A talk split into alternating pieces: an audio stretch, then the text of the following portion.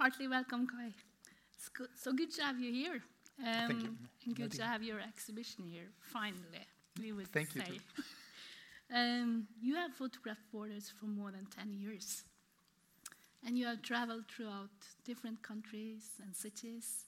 And the result is this amazing exhibition, Wall on Wall, that we will soon get to see outside.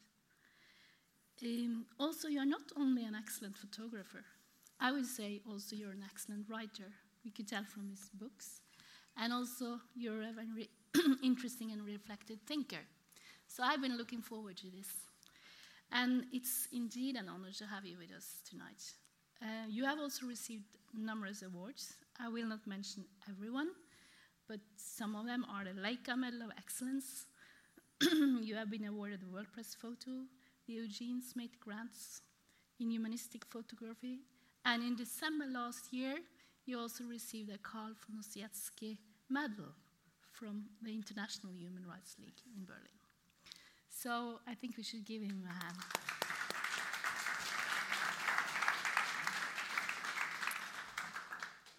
I wanted to ask you first of all, how did your fascination and interest for borders and walls come about? Yeah, well, I um, in October 1989 I started to study photography in Essen, which is basically in the area of Cologne and Düsseldorf. So it's about I don't know 700 kilometers um, west uh, from Berlin, and uh, in a neighboring university there was a symposium, and it was actually the the 10th of November, and we talked to an American photographer, and he said, if I could go, he had to go back to New York for a job, and he said, if I could go now, I would go immediately to Berlin, you know. And so we actually, so this university was actually in the in the east of, of my university. So we went back to my university town, and then we said, okay, we ate some spaghettis at at 10:30 in the night, and then my friend he had a Peugeot 205 GTI, so it was a super fast car, and we jumped in the car at about 11 o'clock in the night, and we drove uh, to the east, and at 4.30 in the morning we were at the Potsdamer Platz, where the wall came down, and then we basically stayed yeah, about four or five days, because we were in the first semester and we were so afraid we would miss something at university, and, and our professors actually didn't relate to the whole thing at all in the first half year, which was really stupid, I have to say, sorry. and so it was the most amazing time that I, I mean, I witnessed other political events mostly in the Middle East, but this was really their thing, you know. And I also, um, as a soldier, I served in the in the German army, and officially Germany had no atomic weapons, but there were atomic weapons, and I served in one of these units, and I was very much aware. Uh, what would have happened if we would have had a war in Germany? Because complete destruction, even just with tacti- uh, so tactical nuclear weapons, that means it's just what you, I mean, just what you shoot with artillery or with short-range rockets. You know, for so for me, the the Cold War was was very real. You know, and so all this, yeah, sys- system or what means atmosphere that I I grew up in. It mm. collapsed in these five days, basically. You know. Yeah, and this was And- back in 1989. 89, yeah. So you were. And this was so, and also, you know, it was for me basically, it, it was also this motion, you know, now we have a free world, you know, and no, border, no borders. And so that was our perception, and we thought also, now it's done for Walzer on the, yeah, on the garbage dump of history. But yeah, what we actually now saw, I was pretty wrong. As a, as a lot of people, we saw a big renaissance of of border walls over the last uh, over the last 20 what, what we have now since the fall of the Berlin Wall. And Yeah, and we will come back to this. So I'll just show a few photos since we're not outside yet. So I'll just put on one. Can look here, okay. So this is one of your first, or this is No, that's Photo. actually that's actually one of the last the pictures. last one, um, because this so is this- after 1989. Yeah. No, say. but this is also, you know, I started this. I mean, I did a I did a book on the wall in uh, the occupied Palestinian territories in Israel from 2003 to 2006, and then I basically opened this project worldwide. And I actually had this idea. I do it for five years from because I had to go at, to eight borders uh, from from 2006, and then I actually wanted to finish in 2011 because the 13th of August um, 90, uh, 1961 was the building of the Berlin Wall. So it would have been 60, uh, 50, sorry, 50 years of the building of the Berlin Wall. And this picture is actually taken on uh, on the 13th of August 2011, where my project was actually uh, was supposed to stop, but because some work I had to do somewhere else, it actually, yeah, went on for another two years, and now I'm still in the process of doing, yeah, more more border work because it became such a topic uh, topic again. So this is actually the commemoration for. So this is in Bernauer Straße. There's a uh, a commemoration site, and this is for people who got killed um, uh, at the at the border wall. Actually, uh, Andreas Fechtner, yeah, I think he was the first person to get killed on the Berlin Wall. This is just about, I think, 300 meters from that place. Mm. And you even, I think you are a very patient man because I know you waited for a long time to get the permission also to show the exhibition uh, on the Berlin Wall itself. Um, it was a bit longer wall than we have here, I think. But how was it to put it up there? What were the reactions from the well, the reactions were, were pretty, pretty. It was really positive, you know. But uh, in the start, it was, it was really, I mean, almost a nightmare, you know. And I had a, I mean, I, I got the the permit uh, basically together with Adrienne Goehler. She's a curator and she's the former um, cultural senator uh, of Berlin, and I would have never made it without her because I mean,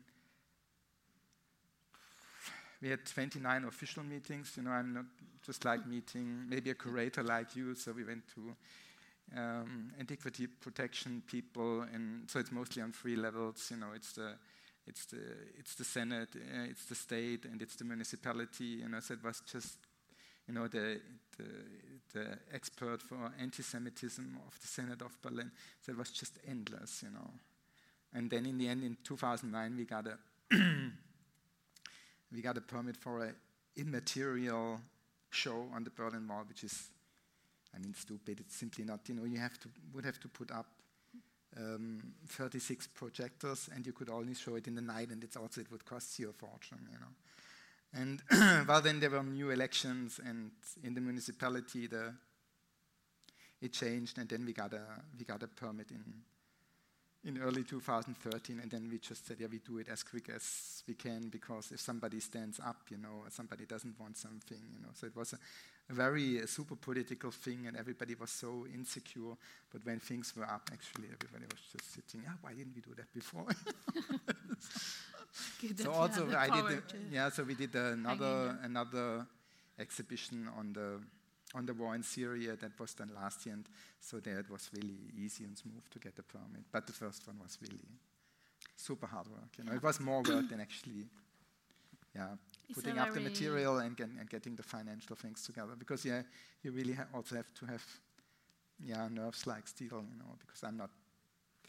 I'm not used to all these administrative things and who is afraid of his career and all, all this kind of stuff. You know, this is very far from from my work because I'm really in the field and I always have to deal with, with super practical things. Yeah. Um, I wanted to show also our visitors the first series that you made actually. Um, this is from Palestine. Could you tell us a few words about why did you go to this place first? Yeah, well, first it's not Palestine; it's occupied Palestinian territories mm-hmm. according to international law, and because there is no state of Palestine, maybe there was one when, during the British.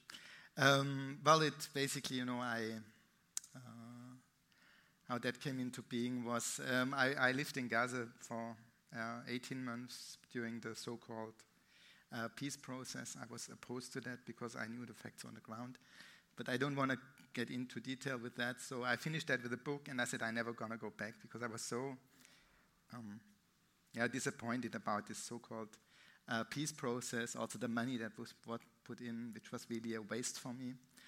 And in 2003, actually, uh, a friend of, I mean, a friend of mine, he's a writer for the Neue Zürcher Zeitung, he called me, yeah, the Israelis are building this wall, and I want to do and go and do a story for the Zürcher Zeitung.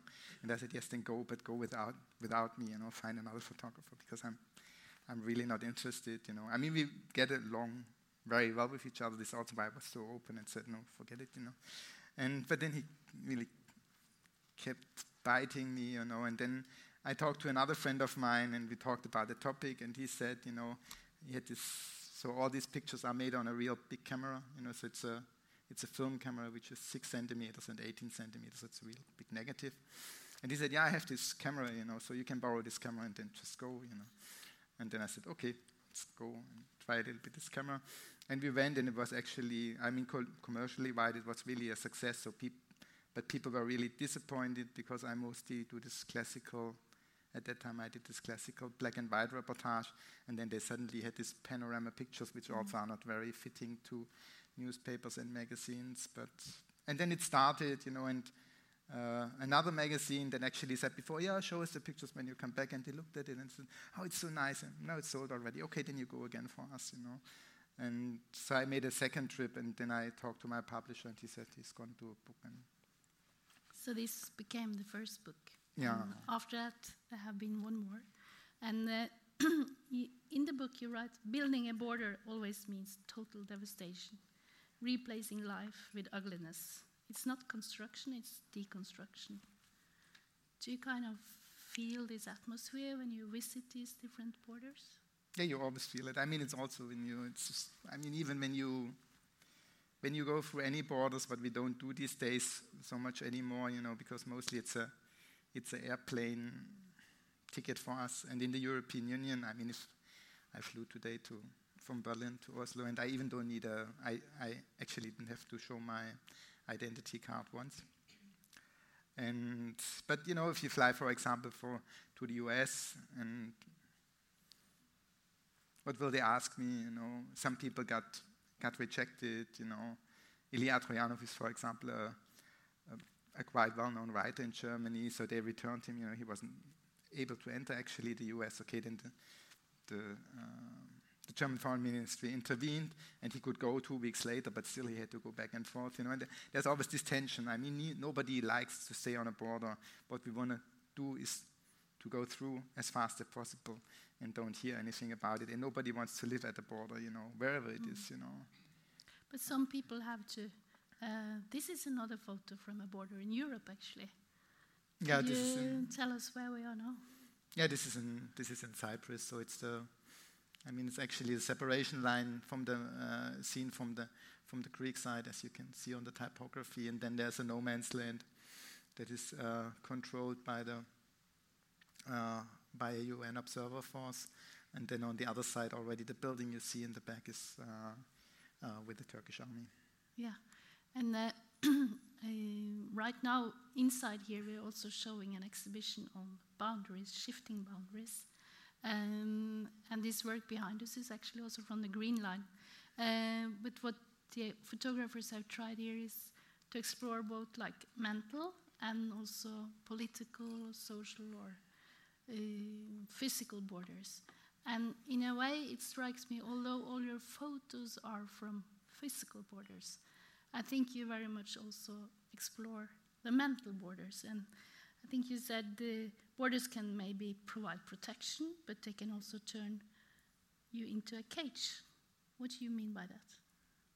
Can the borders kind of yeah? I mean, okay, it's just you know, I mean, if you cannot cross the border, okay. I mean, if mm -hmm. it's if it's like osmosis and you can go back and forth, you know, then it's not so, you get an idea what's, what's on the other side, you know. But if it's really like a, like a hermetic thing, it's, you really, I mean, on the Israeli-Palestinian conflict, you can see it very well, you know, because when I was the first time in Jerusalem, I mean in Gaza, you could take a taxi from Jerusalem to Gaza and it took you one and a half hours from the center of one city to another. And today, even with my special Israeli press card and everything. It will take me, if I'm doing really good, four hours, you know. Mm. And then the point is, you know, the Palestinian kids, and the majority. When I was the first time in Gaza in 1990, there were 700,000 700,000 people roughly. And last year we had the 2 million Gazan. And the most what Palestinian children know from Israel is a drone, is a tank. They even don't see the, the soldiers, the soldiers, you know, they just see a, see a war machinery and that's it, you know. And for the Israelis, it's the same, you know. They just see people out of a, out of a booth or out of the military vehicles, but there's very, very little understanding also about, I don't know, roughly 150,000 Palestinian workers worked in Israel. So mm. they also spoke pretty good Hebrew, you know. So there was more an understanding. I mean, understanding at least you know who the other was, and this is now all gone, you know, because it's really, I mean, Gaza, it's really hermetic, you know, and then it's just you think of the of the other side purely as an enemy, you know. So there's no no space for for uh, for any uh, for anything else. Yes turning into another border, actually, still in Europe. Um, Belfast. Um, this is a so called peace wall. They put up peace walls in 1969. Yeah, they started in 69. separating Catholic and Protestant communities. And we just discussed that they're actually tearing down some of these walls now. One. I wouldn't mm, think, you know, for me it's more propaganda mesh, you know, it's not in a because it was today in the Guardian, Guardian newspaper. Guardian. Guardian newspaper, but the, I know Springfield Road. You know, it's nothing. It's not nothing, enough. Nothing of any any. I don't know why it's happening now. You know, but uh, so the the project I started actually in Belfast, so into 2006 and 2007. I had worked in in Northern Ireland in the in the mid 90s, also during the troubles, and I thought, yeah, maybe it will come down during these five years I'm working on the project. But I went back in 2008, uh, actually, late 2008, to test a new camera just because it was it's really complex. I really wanted to work with all the shifts and angles. it's really difficult camera. And I, I came there and they had built scores of new walls, made them higher. So they, they did a lot of construction that year, you know, mm. of walls that were really from the from the early uh, from the early 70s and mid 70s. Yes. In uh, in your writing, you state that um, the vision of borderlessness starts in the childhood. Do you think we can still dare to have this vision? Yeah, I mean, you know, it's. We're it's being in a peace center, so we're allowed to dream. I have a dream. No, but it, it's just, uh, you know, it's, it's, it's already, you know, we achieved a lot in Europe, you know. I mean, this is for, uh, for people who haven't been in a war, it's really difficult to understand, you know, what we have here. Because, you know, I'm born in 66, and my father was still, I mean, soldier. He was, he was in France as a 15-year-old soldier. And then you go back to my grandfather, and he's devastated, you know, because there were four brothers. Two got killed. And he was a, a, fire brigade commander in a local town next to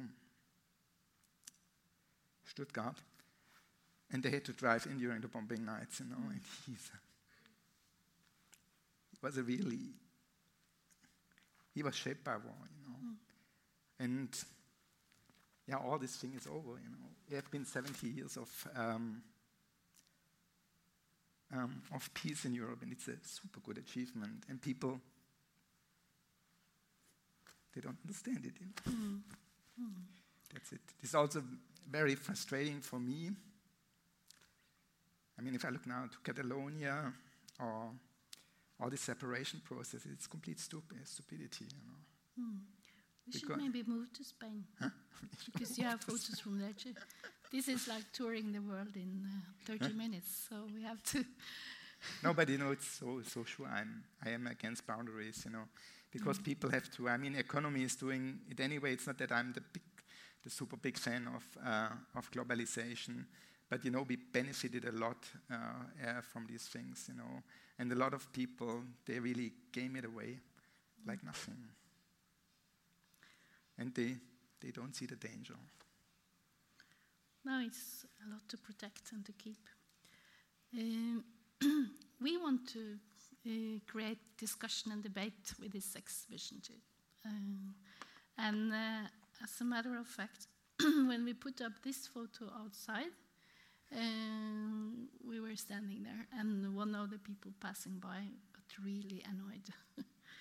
I don't know if he's here tonight, I hope so, because I promised to s- tell you uh, that uh, he meant that this border uh, in the south of, southern of Spain um, No, it's Morocco. versus It's, Morocco, it's in Africa. Morocco, it's Africa. yeah, uh, was actually a good thing. And uh, borders, as we all know, they are as old as human civilization. I mean, you have the China Wall, more than 1500 years old. They didn't work either. kilometer long. now it's time to the question: Can a border sometimes be right? Is it right to set up a border? I know you're a photographer, but you were so Well, you know, as a, maybe as a first mean, if you have some super, super duper conflict, you know, and you want to get things done, maybe in a first instant, but on a long run, it never works, you know.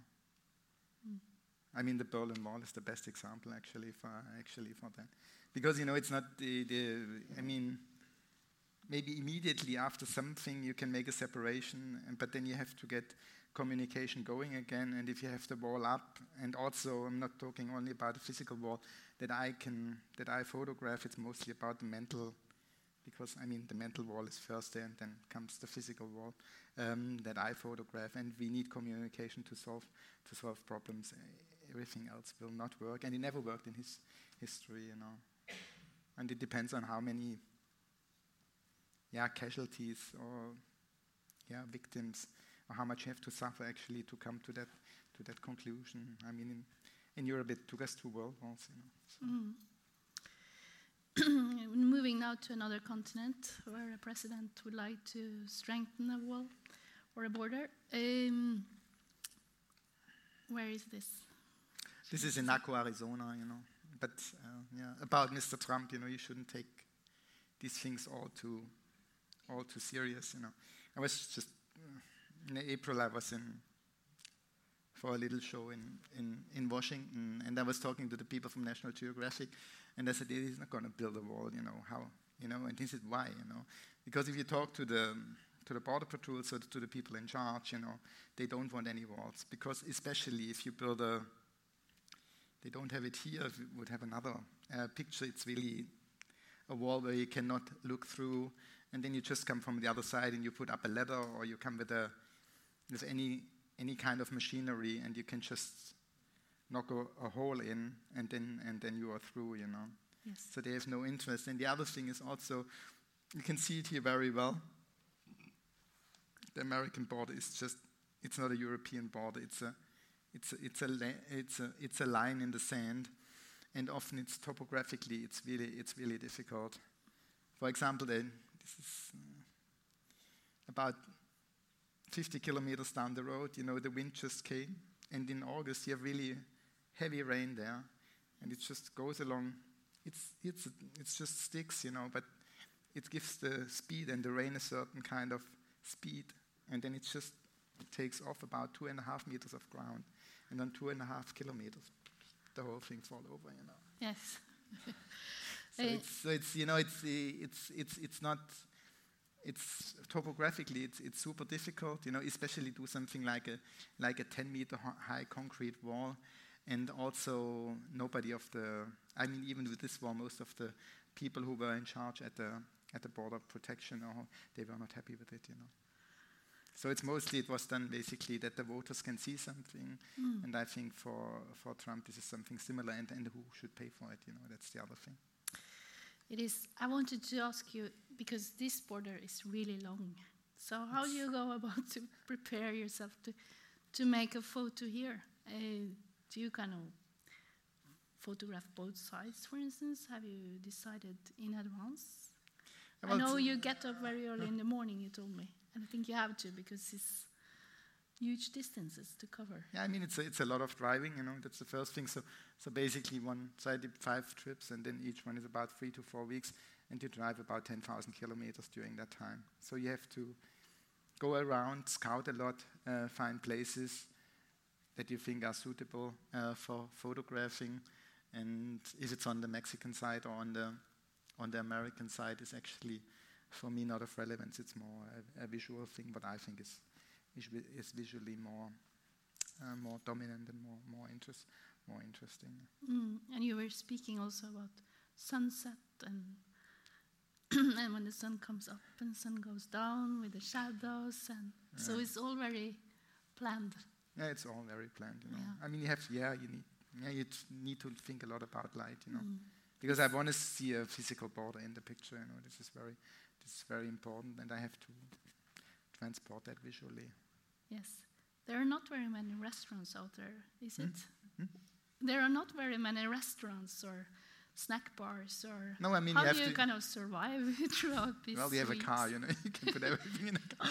But mostly it's like this, you know, you stay maybe an hour, or it depends on an hour or away from the border, and you just leave at four o'clock in the night, sometimes three thirty, sometimes it's five o'clock, and then you are there at sunrise, you know, because people mostly, you know, smugglers or whatever, and it's mostly human, human trafficking, because the drugs, they, they go in the cities, you know, so you have border cities where there's one part Mexico and one part is America, is, is the US, and most of the drug traffic goes there.